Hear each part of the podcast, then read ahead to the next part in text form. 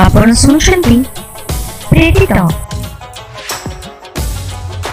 କୁନାର ଏକାଜିତ ସେ ବାପାଙ୍କ ସାଙ୍ଗରେ ହିଁ ବସି ଖାଇବ। ଖାଇବ କମ୍ ଏଣେ ତେଣେ ପକାଇବ ବେଶୀ। ହେଲେ ରମେଶ ସବୁଦିନ କୁନାକୁ ଦୁଇ ଚାରି ଗୁଣ୍ଡା ନ ଖୁଆଇଲେ ଖାଇପାରନ୍ତିନି। ଆଜି ବଜାରରୁ ମାଛ ଆସିଛି। କୁନାର କାକା ଫିସ୍ ବେଶୀ ଲୋଭ ତାର ଖାଇବାକୁ ବସିବା ବେଳେ କୁନାର ରୁମ୍ ଆଡ଼କୁ ଚାହିଁଲେ ରମେଶ। ପାଣି ଗିଲାସ ଥୋଇ ଦେଉ ଦେଉ ପାଖରେ ବସି ପଡ଼ିଲେ କୁନାବୁ ସେ ଦେଶରେ କୁନାକୁ ମାଛ ମିଳୁଥିବ ତ? ଗଳାରେ ଖାଦ୍ୟ ଅଟକିଗଲା।